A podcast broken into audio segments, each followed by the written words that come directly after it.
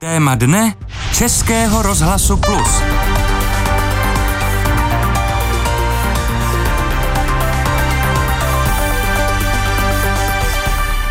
Jak zdražování dopadá na životy českých domácností, jak se vyrovnávají s rok rostoucí inflací. Lidé platí víc za bydlení, jídlo a přibývá těch, co nezvládnou měsíčně nic ušetřit. To vše ukazuje roční srovnání dat z průzkumu společnosti PEC Research pro Český rozhlas a jeho projekt Česko 2022 Život k nezaplacení. Z detaily už je ve studiu Zuzana Machálková z domácí redakce. Dobrý den. Hezké ráno. Kolika lidem po zaplacení všech výdajů nezbyde vůbec nic? Je jich víc než třetina, konkrétně 35 To jsou aktuální data z letošního listopadu, kdy se dotazování zúčastnilo přes 1700 lidí. Loni na podzim si přitom peníze po zaplacení všech výdajů bokem neodkládalo 20% lidí.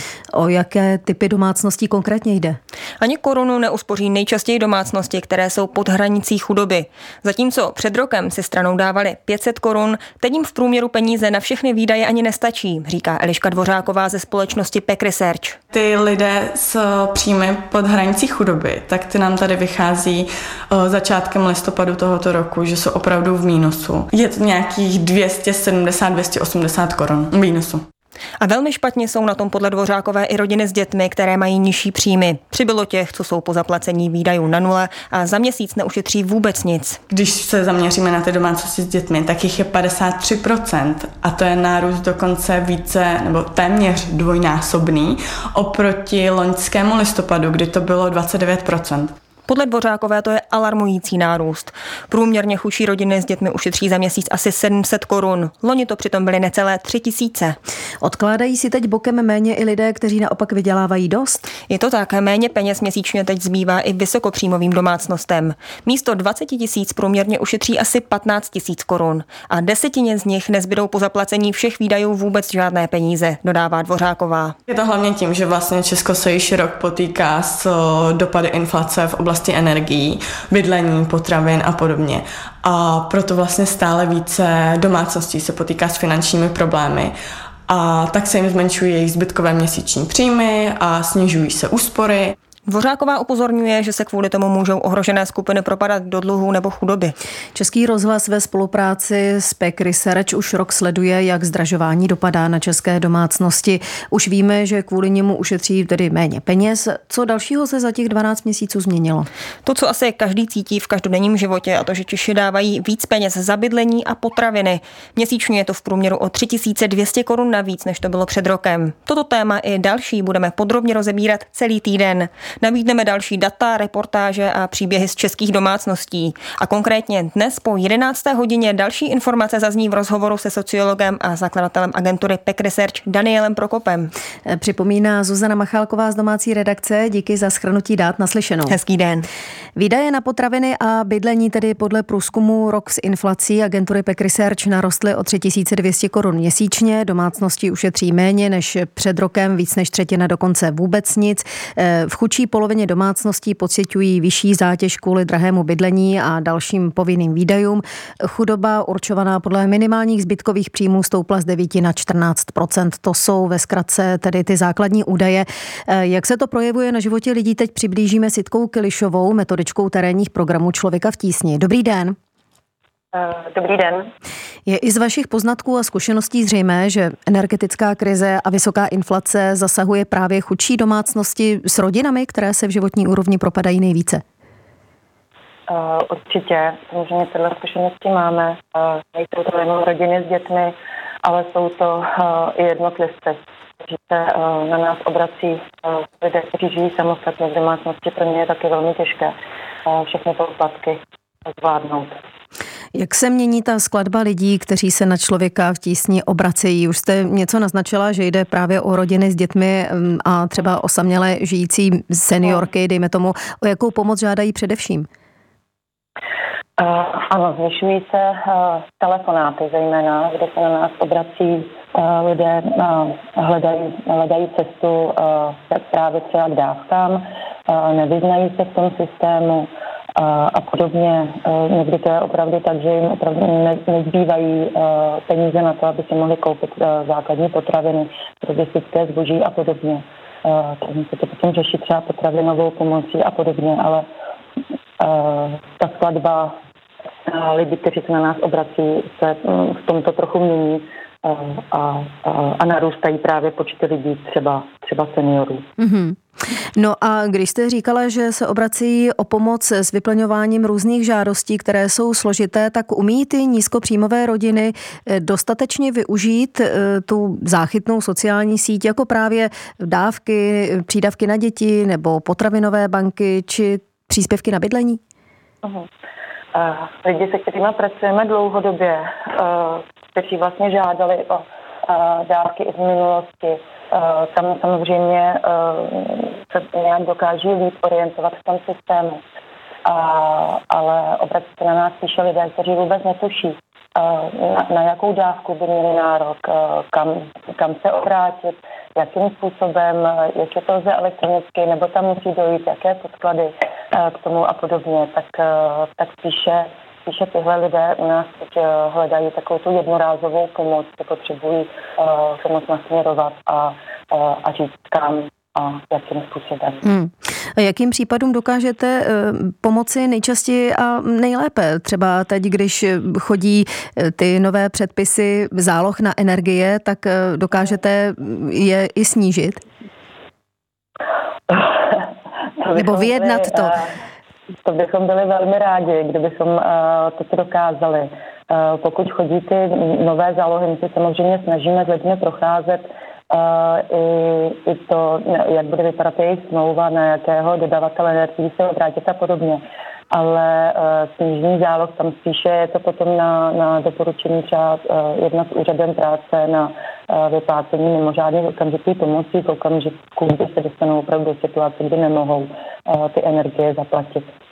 Myslíte si, že ta nabídka právě mm, těch různých dávek a příspěvků od státu je dostatečně široká, že eh, může pokrýt ty potřeby nízkopřípojmových domácností nebo osaměle žijících lidí?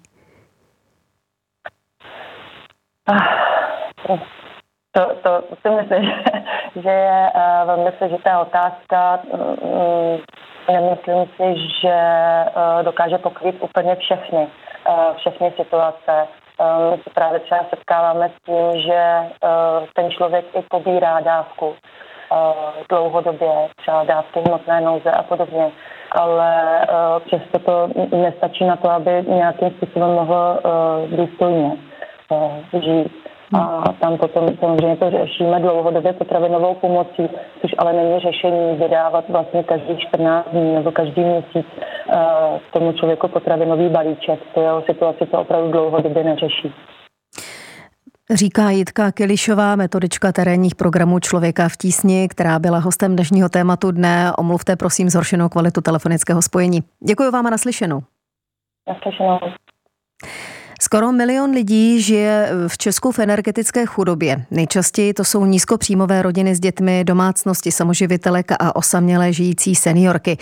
To ukázala společná studie Hnutí Duha, platformy pro sociální bydlení a iniciativy za bydlení. Její analytik Jan Klusáček je teď eh, s námi ve vysílání. Dobrý den. Dobrý den.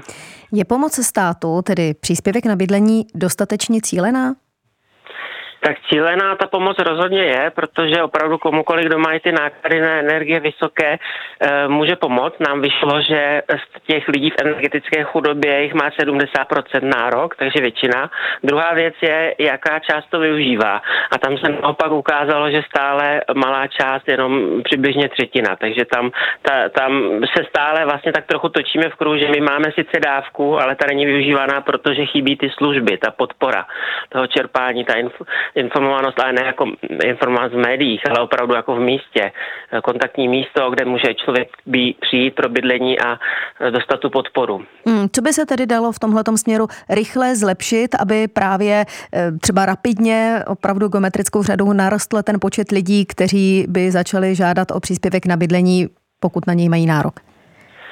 To je složitá otázka jako ve smyslu rychle, co je možné rychle, protože tady je už zřejmé, že se o tom příspěvku mluví poslední poměrně hodně, že zprávy samotné jako informování a to čerpání stále jako roste teda, ale stále máme tu situaci, že velká část to nevyužívá, tak určitě by stálo za to jako přímo cílené informování těch domácností, protože my to jsme si vyzkoušeli na tom speciální příspěvku pro rodiny na dítě, že tak stát dokáže vlastně ty příjmy eh, domácností ví, samozřejmě neví u všech jejich náklady na bydlení, ale nějakou přibližnou informaci by mohl mít v podstatě, jestli ta domácnost má nárok, takže kdyby byla o tom informovaná.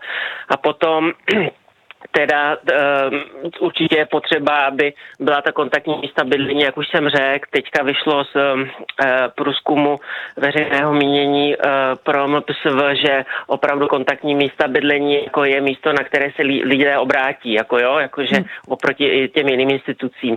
My jich máme zatím v republice asi 15, jenom v několika městech, takže tady na tom začít pracovat určitě co nejdřív. Samozřejmě potom, aby to bylo všude, ve všech důležitých městech, tak je opravdu potřeba ten zákon o podpoře v bydlení, který připravujeme PSV a MMR dohromady, který by to měl vlastně ukotvit ve všech eh, obcích s rozšířenou působností 206. Takže to, ale to samozřejmě se bavíme o řešení hmm. horizontu tří let, ale na druhou stranu ta studie, jenom ještě řeknu, co jsme udělali, ta ukazuje na populaci, která právě byla v energetické chudobě ještě v době nízkých cen, takže tam jde o to, že my, i když se daří různá krátkodobá řešení, slevy, prostě ty ceny energií nějakým způsobem stabilizovat, tak stejně tady přesně budeme mít tyto lidi, kteří i při nízkých cenách jsou na tom špatně a pro ně musíme prostě budovat ten podpůrný systém.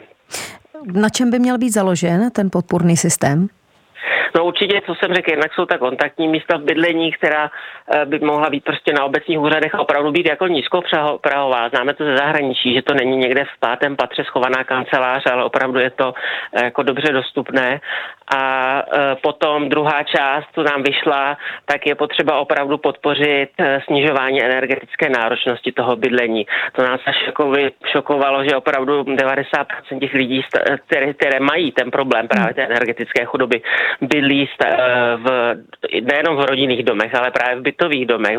Velmi často jsou ty nájemní, opravdu jako původní nezateplené teda paneláky řeknu, kde, kde, kde opravdu jako to, tohle je ještě jako důležitá hm. další součást toho, co samozřejmě nelze vyřešit hned, ale, ale pokud nechceme ten problém tady dlouhodobě mít, tak bychom měli hned na tom začít intenzivněji pracovat. Samozřejmě Česká republika už nějaké programy v tomto má, ale opravdu ty čísla ukazují, že většina stále bydlí v tom špatném energetickém hmm. standardu. Tak je řešením ten program Nová zelená úsporám Light?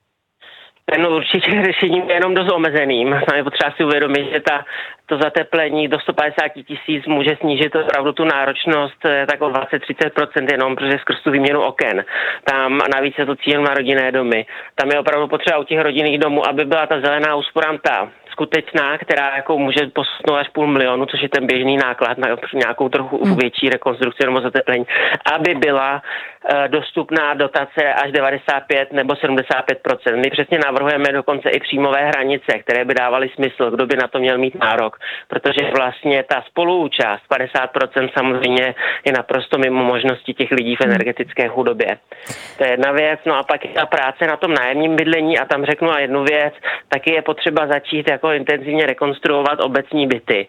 Vykazuje se ze sčítání, že máme 8 tisíc nevyužitých prázdných obecních bytů, kde teda většina z nich právě potřebuje rekonstrukci, takže tady prostě je taky tento segment a vůbec jako budovat to sociální bydlení, nájemní bydlení, eh, nebo nejen sociální, spíše dostupné, které bude teda mít samozřejmě právě dobrý energetický standard. To, je, to jsou všechno ty jako vě, úkoly, které je, sice nevyřeší nám situaci teď, ale pokud na nich nezačneme hned pracovat, tak tady ten problém bude uh, jako růst. Hmm. No, vláda zavedla úsporný tarif na energie. Jak pomůže těm nejpotřebnějším? Ten tarif zaprvé se třeba končí, uvědomí, že končí do konce roku, pomůže jim samozřejmě jenom částečně, nám právě vychází, že ti nejpotřebnější opravdu potřebují teda ten příspěvek na bydlení, ten je v tom jako výrazně účinnější, protože jsou na tom příjmové tak špatně, že vlastně tam jde o to, že potřebují tu podporu kolem 4-5 tisíc měsíčně a potom to zastropování cen energií, to, to pomáhá opravdu, to vůbec nesnižují tu důležitost tomu, aby sám ten problém nezhoršoval, aby lidé, kteří zatím v tom nejsou, se nedostali do té nejtěžší hmm. situace, ale samozřejmě tyhle těm lidem, o kterých se bavíme, vlastně ten milion lidí, kteří už byli v chudobě při těch nízkých cenách, samozřejmě žádným způsobem nepomůže, protože uh, ten strop je mnohem vyšší, než byla ta cena. No. Říká analytik iniciativy zabydlení Jan Klusáček. Děkuji vám za rozhovor. Naslyšenou. Já také děkuji, hezký den. A vše se mnou ve studiu poslouchal Tomáš Kostelecký, první zástupce ředitele Sociologického ústavu Akademie věd. Vítejte, dobrý den. Dobrý den, děkuji za pozvání. Tak podle toho, co tady zaznělo v těch předchozích minutách, eh, tak eh, jak byste nazval tu situaci, čím my jako společnost aktuálně procházíme? Tak procházíme nějakým šokem, který způsobila inflace, která je samozřejmě navázaná na hlavně na růst cen energií a potravin. Problém je to, že ceny energií a potravin je něco, na čem se špatně šetří, respektive dá se šetřit jen do určité míry, protože jíst musíte, můžete se snažit najít nějaké levnější alternativy, jíst levněji a šetrněji, ale to má nějakou míru, prostě pod nějakou hranici to nejde. U energie je to ještě trošku nebezpečnější, tam se tam teoreticky můžete vypnout topení a přestat úplně topit, ale pak vám hrozí vážné problémy. Jsou i případy ze zahraničí, kdy prostě lidé přestali topit, protože na to neměli a pak hmm. zmrzli ale eh, to nám doufám nehrozí. A nicméně eh, důležitá věc je ta, že to zasahuje disproporčně lidi, kteří obecně mají nízké příjmy. To je celkem teďka jedno, z jakého důvodu. Můžou být samoživitelé, eh, rodiny s malými dětmi, což znamená třeba jeden příjem a čtyři lidi v domácnosti, nebo samozřejmě důchodci, kteří mají důchod a nemůžou začít v 80 letech eh, chodit ještě do práce, protože třeba ani ze zdravotních důvodů to je nepředstavitelné, ale uh, ty lidi všichni mají problém v tom, že základní věci, které potřebují, se zdražily a u některých jejich příjmy byly dostatečné na to, aby to nějak zvládli a u některých už to narazilo na strop. Oni v podstatě už nemají z čeho dát. Hmm. No tak když to schrneme, tak eh, jsme, lišili jsme, že tedy domácnosti ušetří o 2000 méně než před rokem, že dokonce víc než třetina jde na nulu, že ta chudoba definovaná minimálními zbytkovými příjmy narostla z 9 na 14% že vlastně potíže s financemi u domácností s dětmi eh, se zvýšil tahle ten počet domácností na 53% Co z toho pohledu je jaksi z vývoje společnosti podle vás nejvýznamnější? Nejdůležitější je eh, uvědomit si, že to je vlastně nějaká situace, která nastala nenadále. Většina těch lidí, kteří jsou, nebo hodně z těch lidí, kteří jsou eh, teďka v problémech, eh, to je vidět i z toho, že vlastně nevědí vůbec, jak funguje ten systém dávek. To znamená, že si někdy předtím ty dávky nepoužívali. Hmm. To znamená, že to nejsou lidi, kteří by nějak dlouhodobě žili na dávkách. Naopak, to jsou lidi, kteří je nikdy nepotřebovali a nevědí, jak to chodí. Tak teď je potřeba v téhle krizové situaci opravdu pomoct všemi možnými způsoby lidem, aby, aby, se, aby, se, aby, aby se dostali k tomu, k té, k té formě pomoci, která se, která se nabízí. A samozřejmě dlouhodobě se snažit pracovat na tom, aby jsme byli energeticky úspornější, čím se taky sníží ceny a ta inflace se dřív nebo později skrotí a bude zase, bude zase jako lépe. A my, to není bezprecedentní. My jsme zažili minimálně na začátku 90. let takovou situaci, kdy byla obrovská inflace a já si sám pamatuju první transformační roky, kdy jsem měl už rodinu a, a malé dítě, jak chodili jsme se dívat do obchodu, kolik stojí potraviny a pak jsme se na podruhé teprve šli hmm. koupit ně, některé konkrétní. Důležitá je nějaká naděje, že to je věc, která se dá zvládnout, že to má nějaké, že to je dočasné nebo limitované časově a, a vypomoci se v té nejkrizovější situaci, aby se lidi nedostali úplně prostě mimo ten systém a nebo do nějakých jako neřešitelných problémů. A jakmile přejdeme přes tuhle tu nejkritičtější situaci, tak se zase bude zlepšovat. Hmm. A když jste použil to srovnání s 90 lety, tak eh, to byla doba utahování opasků, kdy se o tom takhle mluvilo veřejně. Změnila se nějak nálada od té doby ve české společnosti? Nemají třeba lidé větší očekávání a nároky na stát? Protože eh, to slyšíme, že možná si něco i více nárokujeme. Já myslím, že ta otázka je na místě, ale není jednoduchá odpověď na ní. Oni na konci 80. let měli lidé obrovské představy o tom, co zajišťuje stát a potom najednou byla tržní ekonomika a oni se museli začít starat o, o spoustu věcí sami, byli z toho překvapení. Třeba vznikla nezaměstnanost. Stát na to ale zareagoval, vytvořil nějaký systém, třeba úřady práce a podpory dávky v nezaměstnanosti a nějak se to zaběhlo. Lidé si zvykli, že když přijdou o práci, tak něco prostě můžou udělat a nějak zase se do toho pracovního trhu většina z nich vrátí. Teďka jsme v situaci, kterou neznáme, najednou nám chodí složenky, které jsou prostě nebývalé drahé, místo 4 tisíce po nás 12 a to prostě řada lidí ty peníze nemá, ale Jde o to taky vytvořit nějakou, nějaký třeba systém, jak tady kolega mluvil o tom systému dávek na bydlení, hmm. který by byl všeobecně používaný, ale a klíčová věc je ta, aby to byla vlastně vždycky pomoc těm cílená na ty nejpotřebnější, protože tím může být i levnější, nebo někomu pomůže tři tisíce hodně, pro někoho tři tisíce je směšná záležitost, která zmenší jeho míru úspor z 20 tisíc eh, na 17, a, ale a důležitá věc je ta, že to není dlouhodobé řešení. Dlouhodobé řešení je určitě investice, efektivnější využívání energií, zateplování, všechny možné ty stavební úspor, úpravy a úspory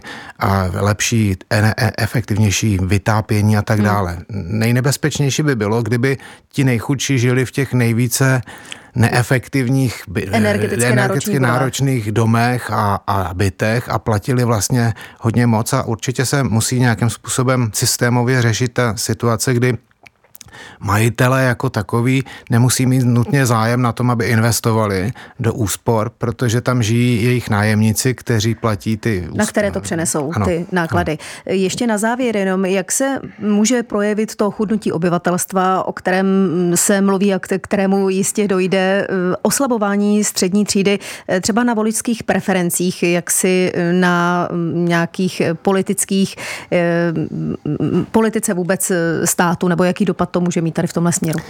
Tady to se těžko předpovídá, tak známe z historie někdy, když se a když se otřásají ekonomické základy, tak to vede k nárůstu extremismu.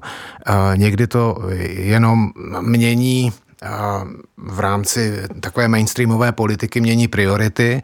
Třeba velká krize v 30. letech způsobila to, že byl vůbec zaváděn sociální stát a nějaké po, nějaká pomoc státu, předtím o tom hmm. nikdo nemluvil. Takže eh, ta společnost se nějakým způsobem přizpůsobí a doufejme, že ten náraz nebude tak dramatický, aby to vyvolalo nějaké velké otřesy. Říká Tomáš Kostelecký, první zástupce ředitele Sociologického ústavu Akademie věd, který byl hostem tématu dne. Děkuji, že jste přišel do studia. Naslyšenou. Děkuji za pozvání. Od mikrofonu se loučí Renata Kropáčková. Bylo půl deváté.